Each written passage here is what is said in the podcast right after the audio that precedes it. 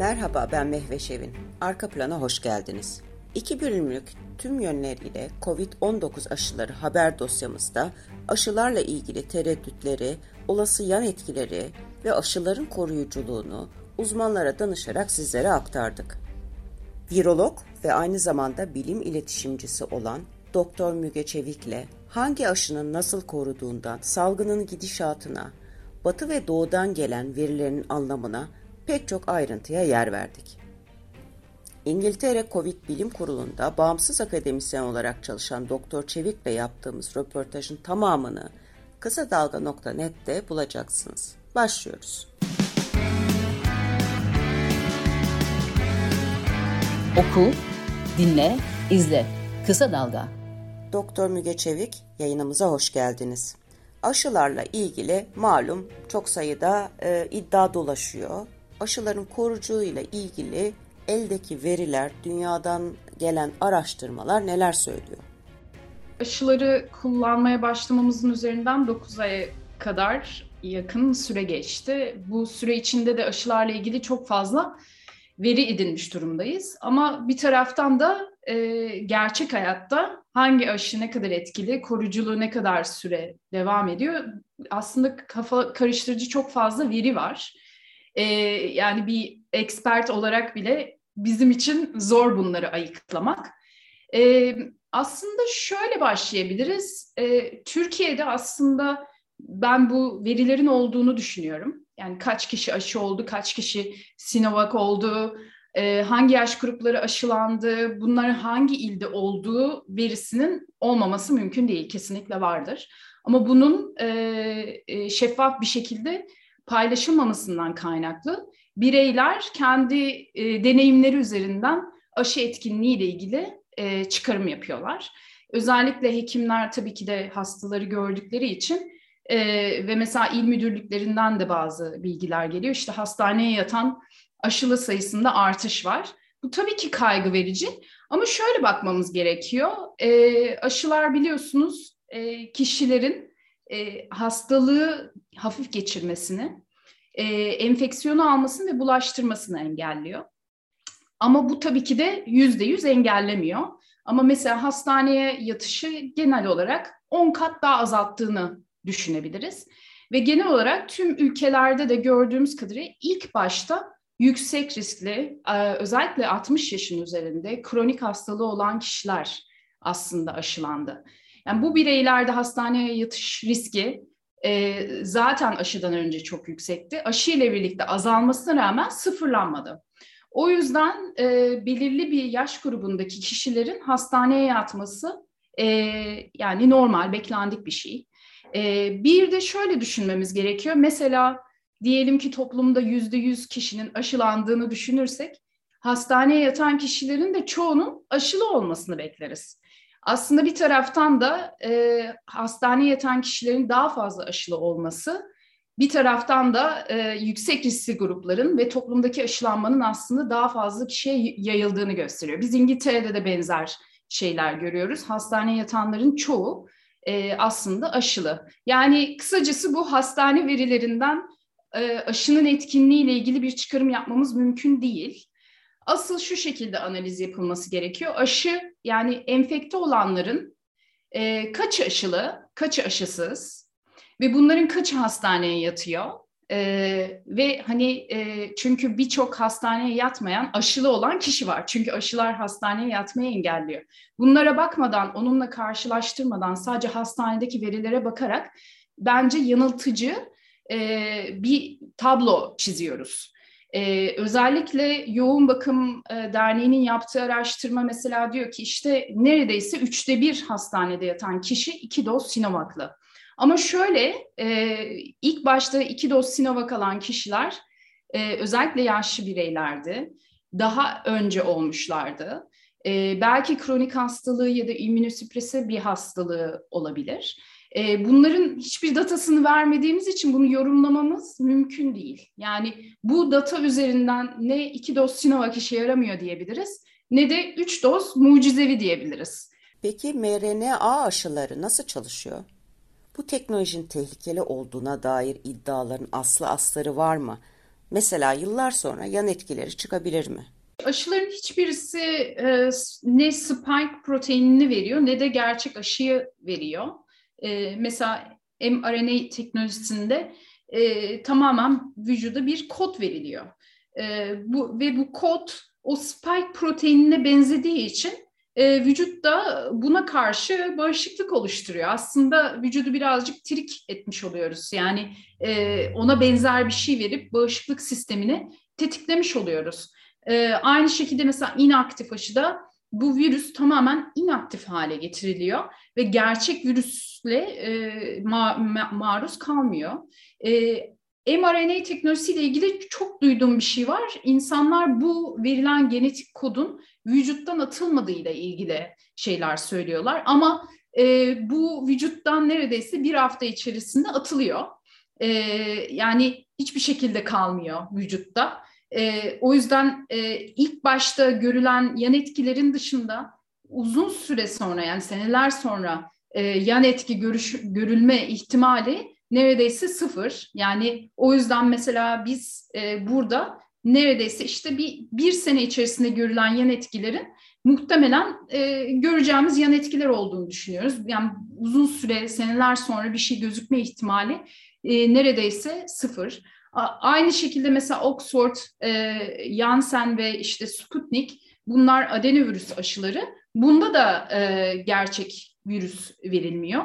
Bunlar hani tamamen inaktif edilmiş, farklı bir şekilde vücuda o e, yani aslında vücuda belirli bir kod veriyorsun ve e, bağışıklık sistemimiz e, onu görünce yani e, kendi tetikliyor ve hücreleri oluşturuyor. Bir sonra virüsle gerçek virüsle karşılaştığında tekrar aynı hücreleri tetikliyor. Asıl e, e virüs şeyin de aşının e, şeyi de bu zaten e, çalışma mekanizması da bu. E, o yüzden uzun süreli e, seneler sonra e, bir yan etki görülmesi imkansız gibi bir şey. E, ve genel olarak baktığımızda da çoğu aşılar ilk bir iki senede gördüğümüz e, yan etkilerin dışında çok çok büyük yan etkiler göstermiyorlar. Aşı olanlar bana bir şey olmaz havasına kapılıyor biraz da. COVID'e yakalanma şansları var mı ya da ne kadar azalıyor diyebiliriz? Bu kafa karışıklığının bazı sebeplerinden bir tanesi de e, aşıların vücuttaki etkili ve koruculuğuna dair yanlış beklentiler olduğunu düşünüyorum ben. Kullandığımız aşıların hedefi hem hastalığın hafif geçirilmesi hem de aşılanmış bireylerin enfeksiyonu alması ve bulaştırmasını engellemek. Yani genel olarak şöyle bakıyoruz. Aşılı bireyler virüse maruz kaldıktan sonra bağışıklık sistemi yani aşının e, tetiklediği e, bağışıklık sistemi devreye girerek önce virüsün o anda vücuda yayılmasını engelliyor. Eğer bu ilk aşamada engelleyemez ve enfeksiyon ilerlerse, e, enfekte olan bireylerden bahsediyorum, e, bellek hücreleri dediğimiz aşının tetiklediği bu hücreler var. Onların tetiklenmesiyle e, vücuda virüsün özellikle akciğerlere girerek hastalığı yol açmasını önlüyoruz. Yani aşılarla sağlamak istediğimiz sadece pozitif test sayısını sıfırlamak değil, bu imkansız gibi bir şey. Yani şu anda çünkü e, enfeksiyonu engellesek de yüzde yüz engelleyemeyeceğiz. E, ve hatta toplumda yüzde yüz kişiyi aşılasak bile bunu durdurmamız maalesef ki mümkün değil. O yüzden e, bu sebeple aşıların etkinliği özellikle hastalığı ne kadar e, e engellediği ve kişilerin hastaneye yatışmasının, yatmasının ne kadar engelli üzerinden bakmamız gerekiyor. Belki de bu yüzden karışıklık oluyor. Çünkü e, toplumda ne kadar çok enfeksiyon artarsa o kadar çok aşılı kişi maruz kalacak demektir. O kadar çok aşılı kişide pozitif test çıkması ihtimali var demektir. Bu da delta varyantıyla aslında e, tüm dünyada problem oldu. E, Amerika'da da aynı şekilde mesela Mississippi örneğini verirsek eğer orada da mesela sağlık çalışanlarında çok fazla enfeksiyon görüldü ama toplumdaki e, e, vaka sayısı azalınca sanki aşının etkinliği yükselmiş gibi gözüküyor. Oysa ki onunla alakalı değil tamamen toplumdaki e, enfeksiyon oranıyla bağıntılı. O yüzden e, aşının etkinliğine mesela İsrail gibi Amerika gibi ya da mesela belirli bölgelerde Türkiye'deki gibi e, yükselen bölgelerde değil aşının etkinliğine aslında düşüşe geçtiği yerlerde bakmamız gerekiyor. Çünkü dediğim gibi o pozitif testlerin hepsi enfeksiyon anlamına gelmiyor, hastalık anlamına gelmiyor. Çoğu insan o pozitif te- test e, belki bir iki gün pozitif çıkabiliyor ama aşının etkisiyle o virüs e, deaktive ediliyor. Öyle düşünmemiz gerekiyor. mRNA aşılarının Çin aşısı gibi inaktif aşılara göre daha iyi koruduğu doğru mu? Eğer aşıyla amaç e, hastane yatışları ve ağır hastalığı engellemekse bütün aşılar e, çok iyi bir şekilde koruyor. Yani iki doz Sinovac dahil e, mesela Şili'den gelen e, araştırmaya göre hastaneye yatış oranlarında yüzde 86 düşüş, ölüm oranlarında yüzde 90 üzerinde düşüş e, yoğun bakıma yatışlarda yüzde 85 oranında düşüş görülüyor. Yani buna baktığımızda aşıların etkinliği çok yüksek. E, yani e, genel olarak şunu e, insanlar konuşuyor işte aşının etkinliği azalıyor. Aşının etkinliğin azaldığı dedikleri konu aslında aşının giderek e, zamanla enfeksiyondan koruma riski azalıyor. E, bu da şundan kaynaklı aşı iyi kaldığımız zaman e, vücudumuzda nötralize antikorlar oluşuyor. Bu kan, kanımızda dolaşıyor ve bu zamanla virüse maruz kalmadığımızdan dolayı zamanla azalıyor. Ama aşı aynı zamanda bellek hücreleri tetikliyor. Yani bellek bağışıklık hücreleri tetikliyor ve bu bellek hücreleri uzun süre aylarca hatta yıllarca vücudumuzda kalacak. Mesela 2003 yılındaki SARS pandemisinde e, enfekte olan kişilerden 15 sene sonra e, kan tahlili alındı ve bu bellek hücrelere bakıldı. Hala bellek hücreleri var. Yani bu bellek hücreler e, aktif olarak vücudumuzda yani kanımızda dolaşmıyor. Test ettiğimizde bakamıyoruz. Ancak bunlar virüse maruz kaldığımız anda e, tetikleniyor. Aa ben bu e, virüsü hatırlıyorum. E, ben o zaman yeniden antikor oluşturayım diyor bu hücreler. Yani virüse maruz kaldığımız anda B hücreleri yeniden bu nötralizan antikorları yapıyor kan, kan, kandaki. Bu şekilde de virüsle e, hem virüsü ilk başta gördüğünde engelliyor hem de hastalığın ilerlemesini engelliyor. Ben şöyle düşünüyorum, e, dediğim gibi yani her aşı aslında e, hastalığı korumada, hastane yatışı korumada ve ölümleri korumada bence mükemmel. Yani ben e, ilk başta bir buçuk sene önce düşündüğümde bu kadar yüksek koruma sağlayacağını hiç düşünmüyordum hiçbir aşının. Yani biz yüzde elli, yüzde altmış civarında koruma sağladığı zaman okeydik. Yani genel olarak e, uzmanlar olarak.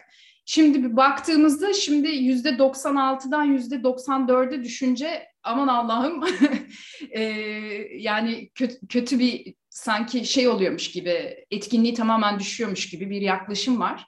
E, yani ben bu özellikle inaktif aşılarla ilgili e, yanlış mesaj verildiğini düşünüyorum. Çünkü e, şu anda elimizde o aşıların daha kötü, diğerlerine karşı, e, karşılaştırdığımızda daha kötü olduğunu gösteren bir veri yok.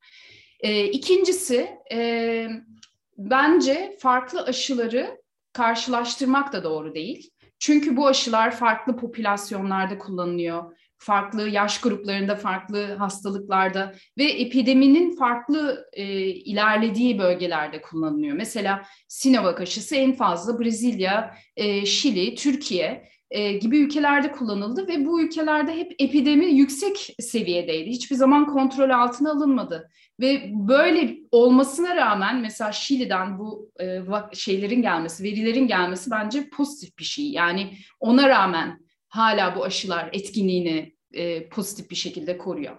Peki aşıların etkinliği ne kadar sürüyor? Yani bunun etkinliği uzun süre devam edecek. E, yani bu böyle 3 ayda 6 ayda azal, azalacak bir e, koruma değil. Hatta doğal enfeksiyon geçiren kişilerde bile bu bellek hücrelerin 8 ay hatta 9 ay kadar e, aktif ve yüksek seviyede olduğunu görüyoruz. Yani aşıyla bunun daha yüksek olduğu e, aşikar. E, ikincisi şöyle bir şey diyebilirim. Yani bu bellek hücreleri belirli hastalarda daha kısa sürede azalabilir. Özellikle immünosüpres hastalarda bu bellek hücrelerinde e, düşüş daha hızlı gözükebilir. Özellikle 65 yaş üstünde daha hızlı düşüş gözükebilir. O yüzden biz de İngiltere'de üçüncü dozu e, özellikle yaşlılarda ve bu immünosüprese hastalarda yapıyoruz. Ama genel olarak topluma baktığımızda herkesin ihtiyacı olduğunu düşünmüyorum. Şey soracağım, e, immünosüpres hastalar dediğinizde e, neyi kastediyorsunuz? Yanlış bir şey yapmayayım, e, söylemeyelim. Onun da bir açıklaması olsun. Aha. Yani e, immünosüpres dediğimde mesela kemoterapi alan hastalar olabilir, e, işte e, organ nakli olan kişilerde biz özellikle görüyoruz. Çünkü organ naklinden sonra e, çok fazla işte steroid gibi daha farklı bağışıklık sistemini düşüren, e, baskılayan ilaçlar kullanılıyor.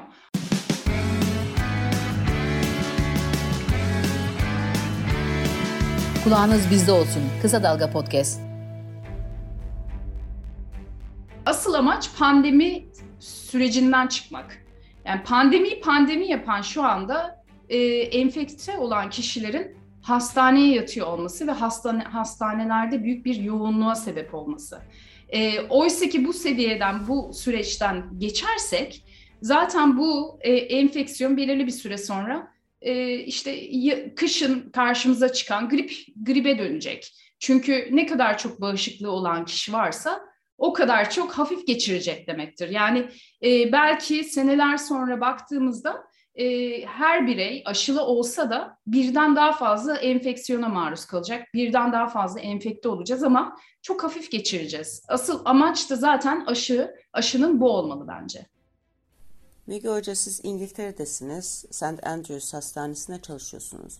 İngiltere'deki veriler nedir? Covid-19 salgını nasıl seyrediyor? Dünyada nasıl seyrediyor? Ee, neler biliniyor? Neler söyleyebilirsiniz? İngiltere'de e, her hafta bu vakalar açıklanıyor. Kaç kişi mesela aşılı, aşısız, iki dozlu ya da bir dozlu e, kaç kişi hastaneye yatmış, kaç kişi acile e, gelmiş e, kaç kişide ölüm var, kaç kişide enfeksiyon var ve aşılı aşısız karşılaştırarak e, bu şeyi görebiliyoruz. Yani bütün verileri e, şeffaf bir şekilde görebiliyoruz. Bu da aslında aşı olan güveni bence artırıyor. En başta burada da Oxford aşısına karşı bir e, şey vardı, tereddüt vardı. Ama e, mesela şu anda görüyoruz ki e, Oxford aşısı belki bu Pfizer-BioNTech aşısından daha uzun süreli e, koruma sağlayabilir. Yani ilk başta o e, tedirginlikler özellikle yan etkiyle e, ilgili e, tedirginliklerin çoğu şu anda İngiltere'de bu datayı gördükten sonra çok çok daha azaldı. mRNA aşısı yeni olduğu için hakkında e, çok sayıda şüphe var. Yan etkileri konusunda neler biliyoruz? Mesela pıhtılaşmaya yol açtığı, kalp rahatsızlıklarına yol açtığı gibi iddialar var. Bunlar doğru mu? Yani genel olarak yan etkilere baktığımızda şu şekilde karşılaştırmamız gerektiğini düşünüyorum ben.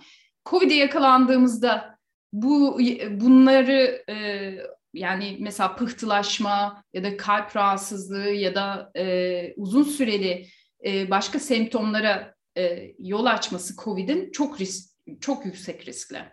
E, onun yanında aşının e, riskinin buna karşı karşılaştırdığımızda çok çok daha düşük olduğunu görüyoruz. Mesela pıhtılaşma, e, COVID'e yakalanan hastaların e, neredeyse üçte birinde e, yüksek risk var. Yani pıhtılaşma riski var. O yüzden mesela hastaneye yatan kişilere biz kan sulandırıcı veriyoruz. Türkiye'de de mesela ayaktan geçiren bazı kişilere kan sulandırıcı veriliyor. Bu büyük bir risk. Ee, ama mesela baktığımızda bu kan pıhtılaşma riski aşıyla özellikle bu Oxford aşısında ve e, viral aşılarda gözüküyor. İşte bu e, Sputnik ya da Janssen e, ya da Oxford aşısıyla e, adenovirüs aşılarında görülen bir yan etki bu. E, ama buna baktığımızda mesela 10 binde bir e, risk. Yani e, karşılaştırılamayacak kadar düşük seviyede. O yüzden bence kişilerin şu şekilde bakması gerekiyor. Yani bu aşıyla e, gelen risk mesela duyduğumuz haberlerde şu kişide şu oldu vesaire çok çok düşük risk. Oysa ki o kişinin COVID olması sonrasında bir kalp rahatsızlığı olması ya da mesela long COVID dediğimiz e, COVID'i geçirdikten sonra 6 ay ya da bir seneye kadar semptomları geçmeyen e, bireyler var. Mesela işte yorgunluk, halsizlik, baş ağrısı e, ya da mesela işte şey e, ağrılar, kas ağrıları falan yaşayan birçok insan var. Mesela İngiltere'de 1 milyona yakın long covid hastası olduğu tahmin ediliyor. Yani covid'in riskinin düşük olmadığını e, anlamamız gerekiyor ve o yüzden de aşıların yan etkisi onların yanında çok çok çok düşük kalıyor kesinlikle. E, ama gördüğümüz kadarıyla yani ben de burada mesela Oxford, BioNTech, Moderna aşısı olan bireyleri ben görüyorum. Burada genel olarak gördüğümüz yan etkiler çok çok düşük.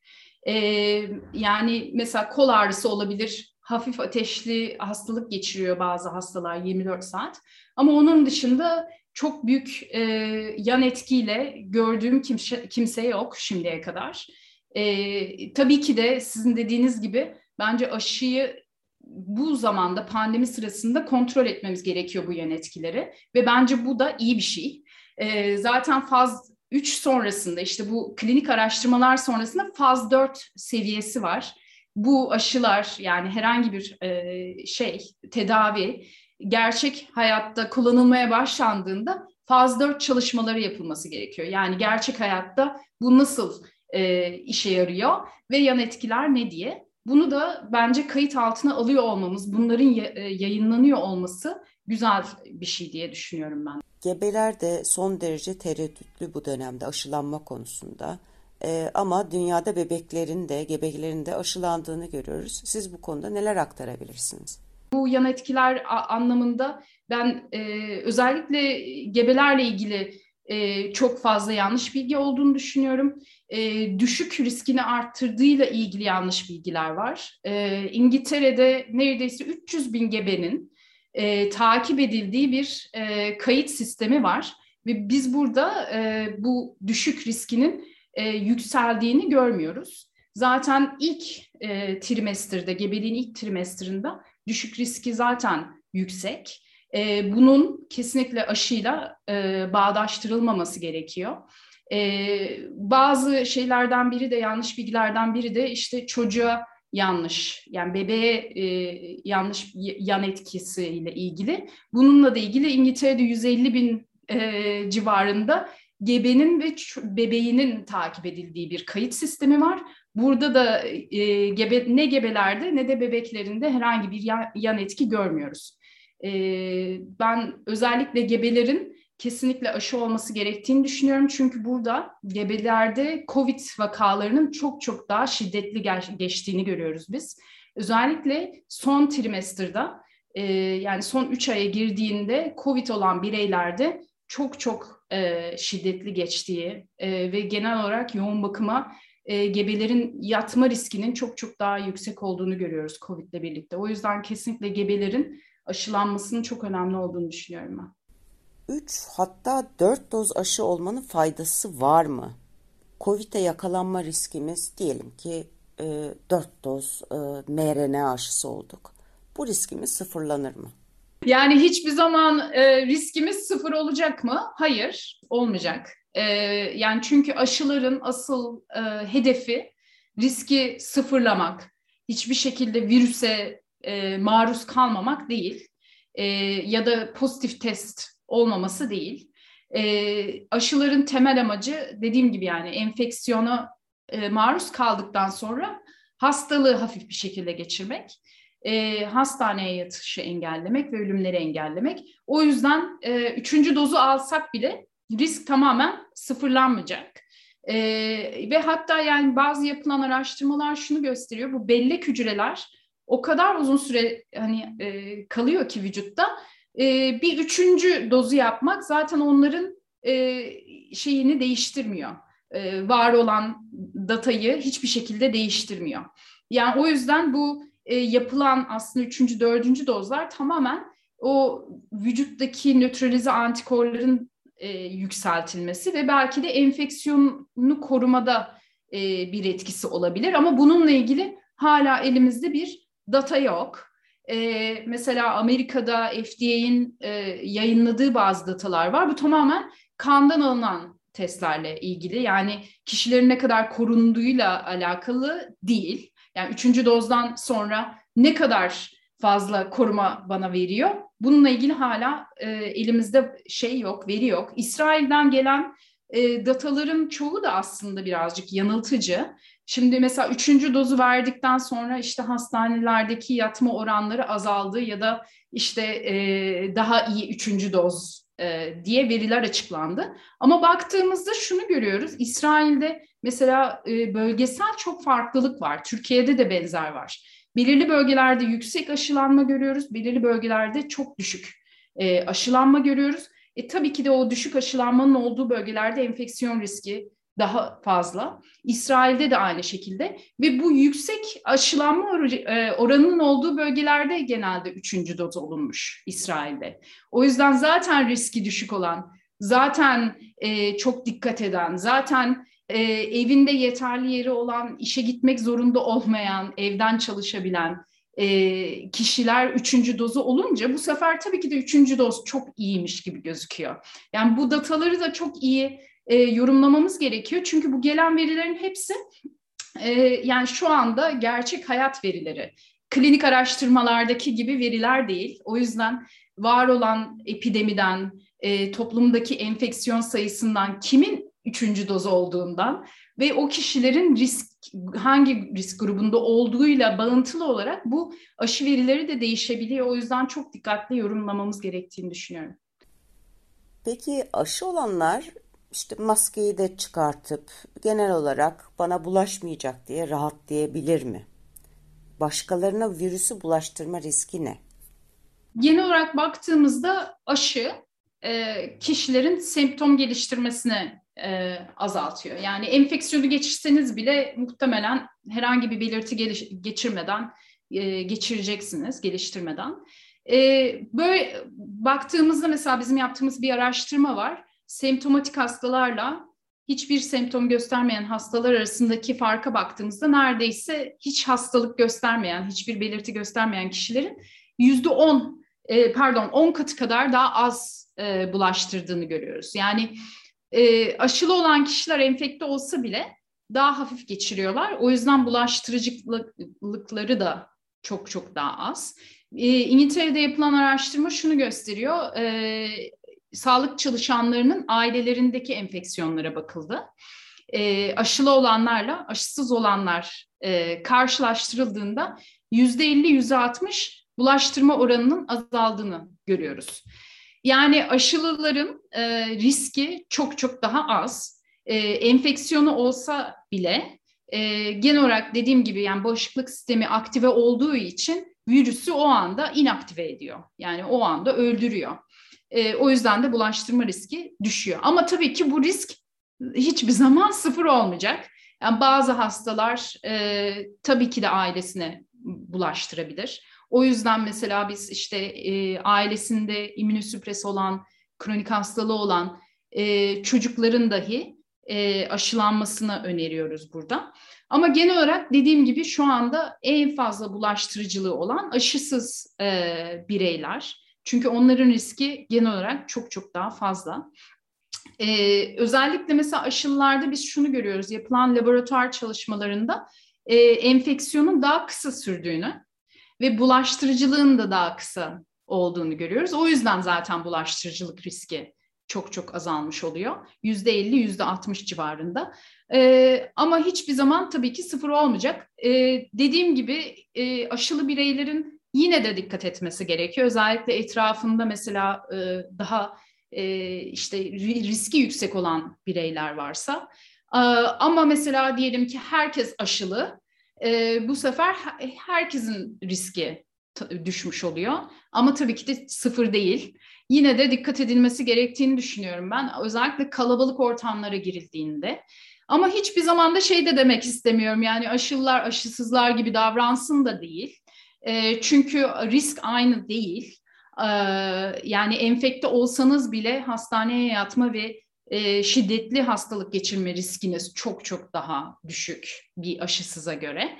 E, yani genel olarak e, sizin için daha hani daha e, rahat hissettiğiniz şekilde davranmanız gerektiğini düşünüyorum. Hani özellikle ben kalabalık ortamlardan kendim adıma söyleyeyim kalabalık ortamlardan hala e, uzak durmaya çalışıyorum genel olarak.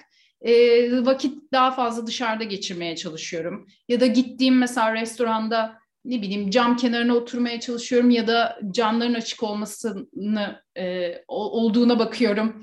E, çok kalabalık ortamlara girmemeye çalışıyorum ya da mesela maske takmaya çalışıyorum o kalabalık ortama girdiğimde vesaire. Yani e, şimdilik tabii ki tüm belki toplumun çoğu aşılanana kadar birazcık daha dikkat etmemiz gerekiyor ama e, belki bir sene önceki kadar da e, şey değiliz yani e, çok riskli bir durumda değiliz şu anda. Özellikle bence dışarıda açık alanda e, yapılacak aktivitelerin daha e, rahat yapılabileceğini düşünüyorum ben. Biz burada mesela hiçbir zaman dışarıda e, maske takmadık. Hiçbir zaman parklara girmek, dışarıda aktivite yapmak hiçbir zaman engellenmedi.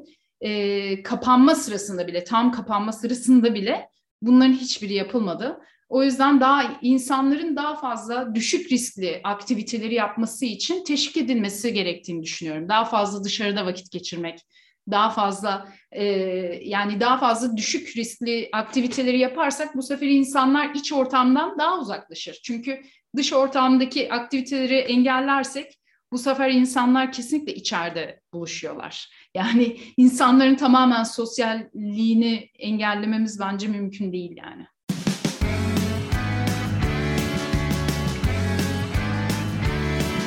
Kulağınız bizde olsun. Kısa Dalga Podcast.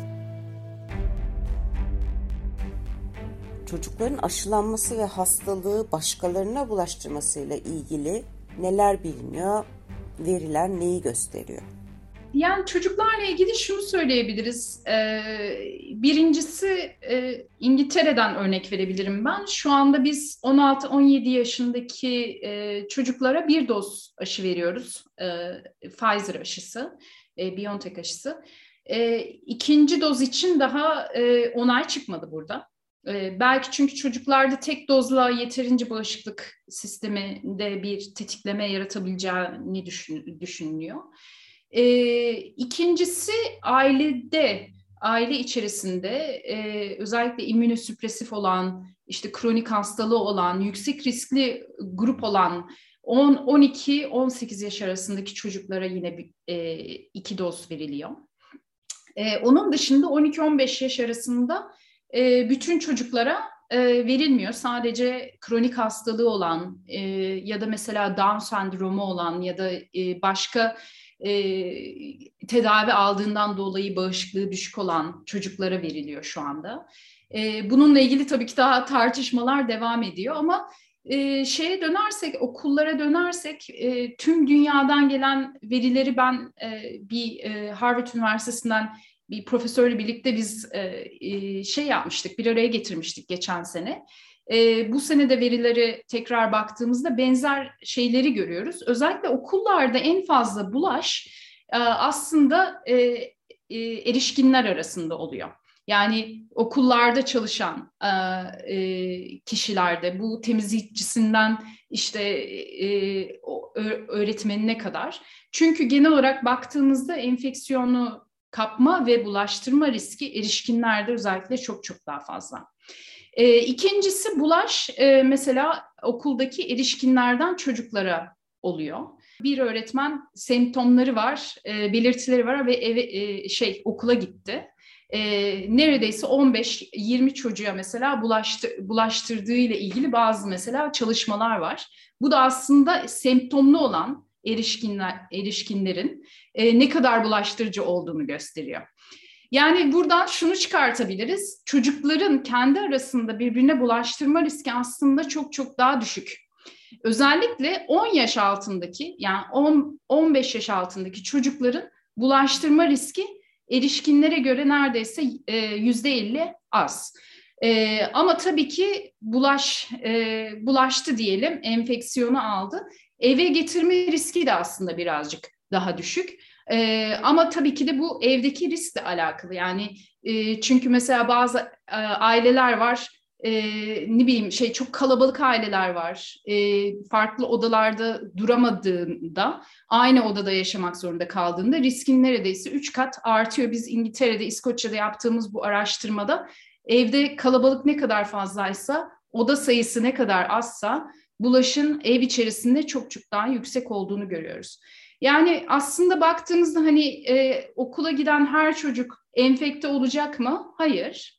E, okulda okula gidip enfekte olan her çocuk ço e, eve enfeksiyonu taşıyacak mı? Hayır. Ama tabii ki de ben özellikle ailede e, e, kronik hastalığı olan, immünosüpresi olan kişilerin hem kendilerinin hem de çocuklarını e, aşılamalarının doğru olduğunu düşünüyorum. Çünkü bu, bu şekilde riski en fazla minimize edebiliriz. Okullarda da alınabilecek önlemlerden birkaçı işte e, özellikle öğretmenlerin aşılanması, o okulda çalışan erişkinlerin e, aşılanması e, ve özellikle ventilasyona çok dikkat edilmesi, işte havalandırılması, sınıfların belki e, derslerin daha kısa yapılması, e, yarım saat ya da 40 dakikadan daha fazla yapılmaması, dışarıda belki daha fazla e, ders yapılabilmesi, aktivitelerin daha fazla açık ortamda yapılması. Bunlar alınabilecek bazı önlemler ama biz genel olarak İngiltere'de baktığımızda okullarda çok fazla e, şey görmüyoruz. Yani çok oraların böyle e, enfeksiyon yuvası, hani bazı insanlar öyle diyor, enfeksiyon yuvası olduğunu görmüyoruz biz. E, yani genel olarak okullar e, toplumdaki enfeksiyon sayısını yansıtıyor. E, ne kadar çok toplumda enfeksiyon varsa tabii ki de okulda daha çok enfeksiyon olacak. Ama okul okuldaki o hani enfeksiyon genel olarak topluma yayılmıyor. Aslında tam tersi. E, ama tabii ki de çocukların yaş durumlarına göre riskler farklı. Dediğim gibi yani özellikle 10 yaş altında risk çok daha az. Biz mesela ilkokullarda burada çok fazla enfeksiyon görmüyoruz.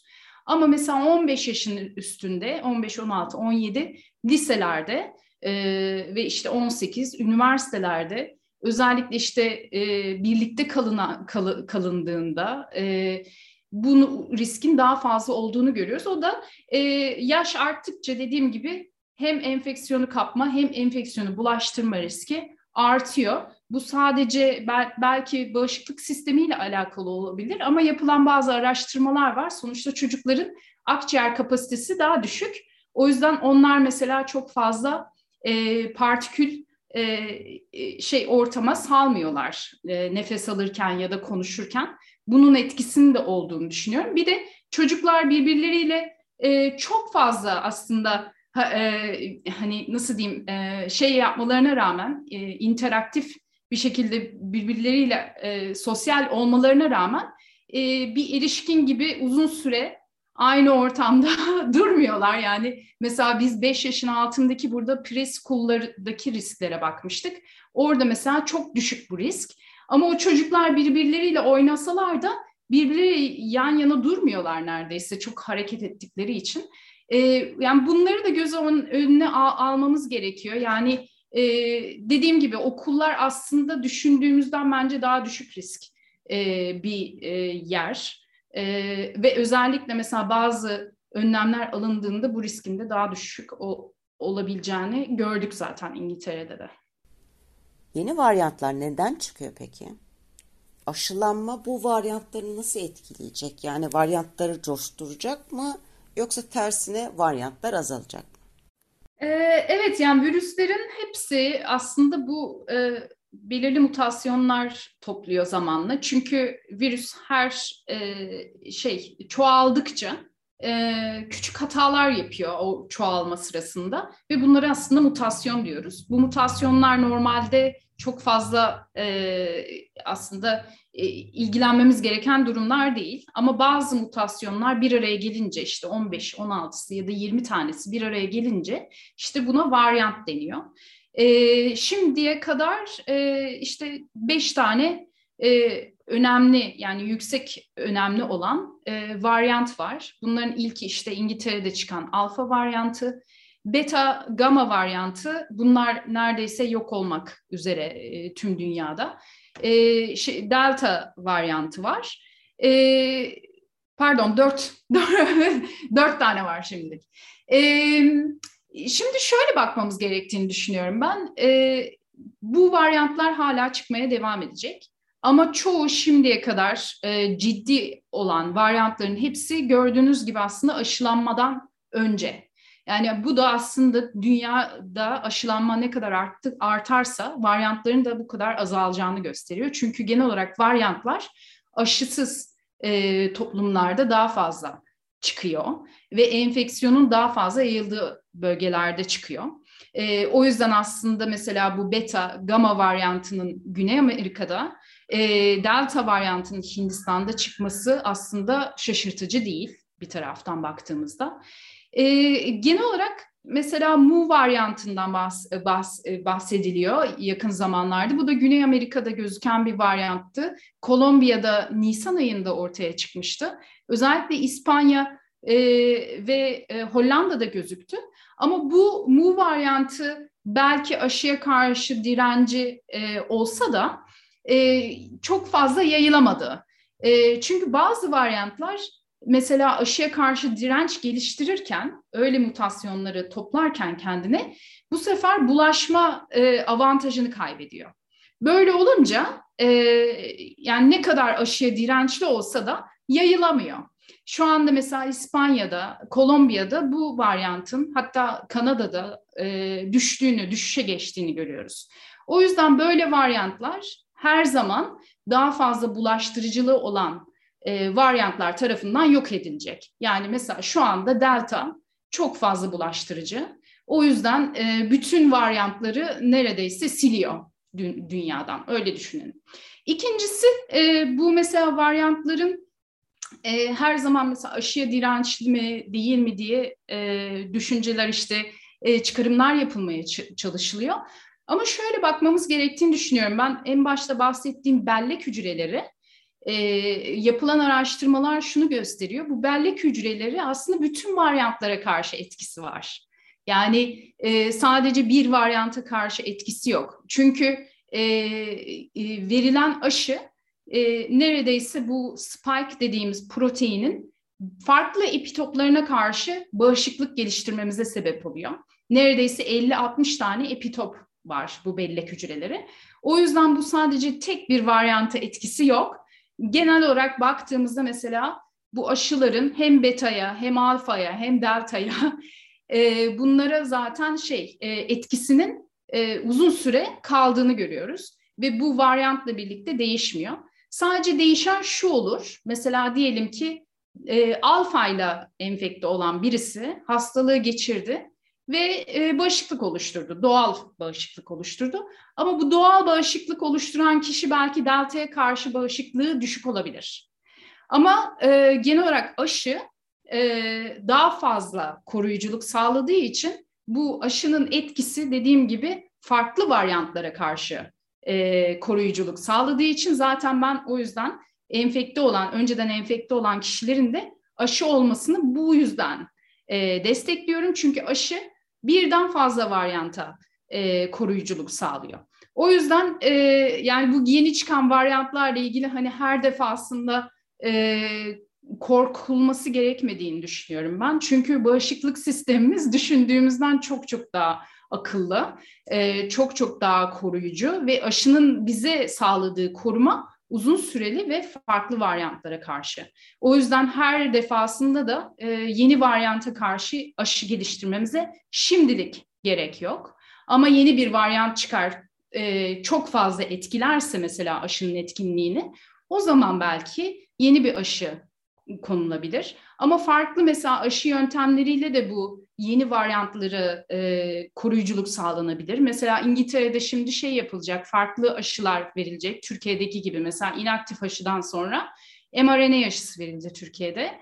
Burada da mesela Oxford aşı sonrasında mRNA aşısı verecek ya da mRNA olanlara, e, BioNTech olanlara Oxford verecek. Bu şekilde de aslında bağışıklık sistemini farklı şekilde tetikleyerek e, farklı varyantlara karşı etkinliğini de arttırmış oluyoruz. Salgının gidişatına bakarsak ne diyebilirsiniz Müge Hoca? Mesela bu kış ya da bu kıştan sonra normale dönmemiz mümkün olacak mı? Salgının gidişatı tamamen bizim e, aşılamayla ilgili e, ne kadar ilerlediğimize bağlı olduğunu düşünüyorum ben. Mesela Türkiye ile ilgili konuşursak şu anda e, aşılanma oranı neredeyse yüzde 45-50 civarında diyebiliyorum. Ama e, tabii ki bilmediğimiz için nerelerde ne kadar aşı olduğunu e, pek yorum yapmak zor ama e, yani yüzde 50 düşük bir oran e, aşılanma anlamında. Yani üçüncü ve dördüncü doza geçmek yerine daha fazla insanın iki doz alması bence çok önemli. Çünkü özellikle bölgesel farklılıklar varsa mesela doğuda e, daha az aşılanma olduğu ile ilgili ben e, haberler gördüm. Eğer böyleyse orada mesela hastanelerin yoğunluğunun e, özellikle kış aylarında da artacağı e, aşikar. Ee, onunla ilgili hangi e, giriş girişimler yapılıyor? Ee, kişileri bilgilendirmek, yanlış bilgilerden e, yani yanlış bilgileri azaltmak e, ve daha şeffaf e, data veri e, verilmesi belki bunlar bunları e, daha iyi hale getirir diye düşünüyorum. E, dediğim gibi yani burada mesela biz İngiltere'de yüzde 90 civarında bir, bir doz olan yüzde 75-80 civarında da iki dozlu birey var. E, bu tabii ki hani kışa giriş giriş için çok iyi olacak ve özellikle 65 yaşın üstü ve immünosüpresi hastalara üçüncü doz verilecek Eylül ortasından başlayarak bu muhtemelen önemli olacak. Ama önümüzdeki ya e, kış şu anlamda zor olacak. Ee, özellikle grip virüsünün biz gelmesinden çok korkuyoruz ve muhtemelen gelecek. Ee, mesela Hindistan'a bakarsanız şu anda hastanelerin çoğu e, influenza yani gripten dolayı e, dolu. Covid'den dolayı değil. E, son bir buçuk senedir kapandığımız için ve enfeksiyonun yani grip virüsünün dolaşımını e, engellediğimiz için bu sefer de toplum bağışıklığı birazcık azalmış oldu gribe karşı. O yüzden de özellikle yüksek risk gruplarında olan, özellikle işte 60 yaş üzerinde olan, kronik hastalığı olan, immünosüpresi olan hastaların kesinlikle bence Ekim ortasından önce e, grip aşılarını olması gerektiğini düşünüyorum ben. Burada da grip aşısı e, yapılmaya başlanacak e, e, Eylül ortasından, e, Ekim başından itibaren. Yani bunlar tabii ki e, önümüzdeki e, bazı sıkıntılar ne olacağını tam olarak bilemiyoruz. Ama şöyle bakabiliriz COVID anlamında ne kadar çok aşı e, aşılı kişi o kadar az hastaneye yatış COVID'den dolayı ve COVID'i artık zamanla daha az e, hani hayatımızı engelleyen ya da e, tamamen mesela e, yüksek ha, ha, hastanelerde yüksek sıkıntıya sebep olan bir hastalık yerine daha hani günlük yaşamda e, e, elimizden geldiğince toparlayabildiğimiz bir hastalık o, olacağını düşünüyorum zamanla. Ama baktığımız kadarıyla delta varyantı çok fazla bulaştırıcı olduğu için o kitle bağışıklığı e, muhtemelen mümkün değil artık. Ondan e, onu kenara atmamız gerektiğini düşünüyorum. Yani kitle bağışıklığı demek işte e, toplumda belirli bir aşılama oranına ulaştığımızda enfeksiyonun uzun süreli olarak kontrol altına alınması. Ama bu e, şu an için imkansız gibi bir şey çünkü elimizdeki var olan aşılarla aşılama oranının neredeyse yüzde doksana e, ulaşması gerekiyor e, ki e, ona rağmen yani yüzde doksana rağmen e, yine de enfeksiyonun da yayılma ihtimali yüksek. Çünkü bazı hastalar e, aşıya tam yanıt vermeyebilir. Belirli bölgelerde aşı e, daha az e, olabilir, aşılanma oranı daha az olabilir. Ve şimdi bildiğiniz gibi 12 yaşın altındaki çocuklara da zaten aşı ver, vermiyoruz, veremiyoruz on, onaylanmadığı için. O yüzden şu anda o birazcık e, gerçekçi bir şey değil, yani yaklaşım değil. E, asıl amaç dediğim gibi daha fazla kişiye e, iki dozu ulaştırmak. Çünkü böylelikle hastaneye yatışlarını engellemiş olacağız. Ama önümüzü önümüzde yani bu kış şu geçirirsek daha iyi bir pozisyonda ol, olacağımızı düşünüyorum. E, genel olarak aslında e, yani bu pandemi sürecinden çıkmamız için daha fazla kişinin aşılanması ve bu e, süreçte de tabii ki de enfeksiyonu azaltmak için belirli önlemlerin alınması gerekiyor. İşte kapalı alanlarda, kalabalık alanlarda belki maskenin hala kullanılıyor olması belirli bir süre. Ee, bazı kültür olarak değişiklikler olması gerektiğini düşünüyorum. Mesela hastayken işe gitmemek gibi. Ama tabii ki bunun da destekli olması gerekiyor. Yani e, iki hafta boyunca e, gelirin kaybetmemesi lazım kişilerin. E, biz burada genel olarak enfeksiyon riskinde en fazla mesela otobüs şoförlerinde, taksi şoförlerinde, e, işte e, mesela kargo şirketlerinde e, çalışanlarda, restoranlarda çalışanlarda olduğunu görüyoruz. O kişilerin kesinlikle daha fazla desteklenmesi gerektiğini düşünüyorum. Ve genellikle gördüğümüz kadarıyla COVID tamamen aslında en başından beri yani yoksulluk hastalığı. Yani bir taraftan baktığımızda en fazla biz e, enfeksiyonun ve hastane yatışların İskoçya'da da e, özellikle yoksul bölgelerdeki kişilerde olduğunu görüyoruz. Bu tabii ki de e, şeyle alakalı yani yaşam ve e, yani çalışma koşullarıyla alakalı e, ve özellikle bireylere destek verilmediği için mecburen işe gitme zorunda kalıyor. Mecburen otobüse binmek zorunda kalıyor. Mecburen e, yani a, e, küçük bir evde kalabalık bir ortamda yaşamak zorunda kalıyor. Evet, Doktor Müge Çevi'ye çok teşekkür ediyoruz. Başka bir arka planda buluşmak üzere, hoşçakalın. Kısa Dalga podcastleri Demet Bilge Erkasab'ın editörlüğünde Mehmet Özgür Candan'ın post prodüksiyonu ve Esra Baydemir'in hazırladığı görseller ile yayınlanıyor. Kısa Dalga'ya destek vermek için Patreon sayfamızı ziyaret edebilirsiniz.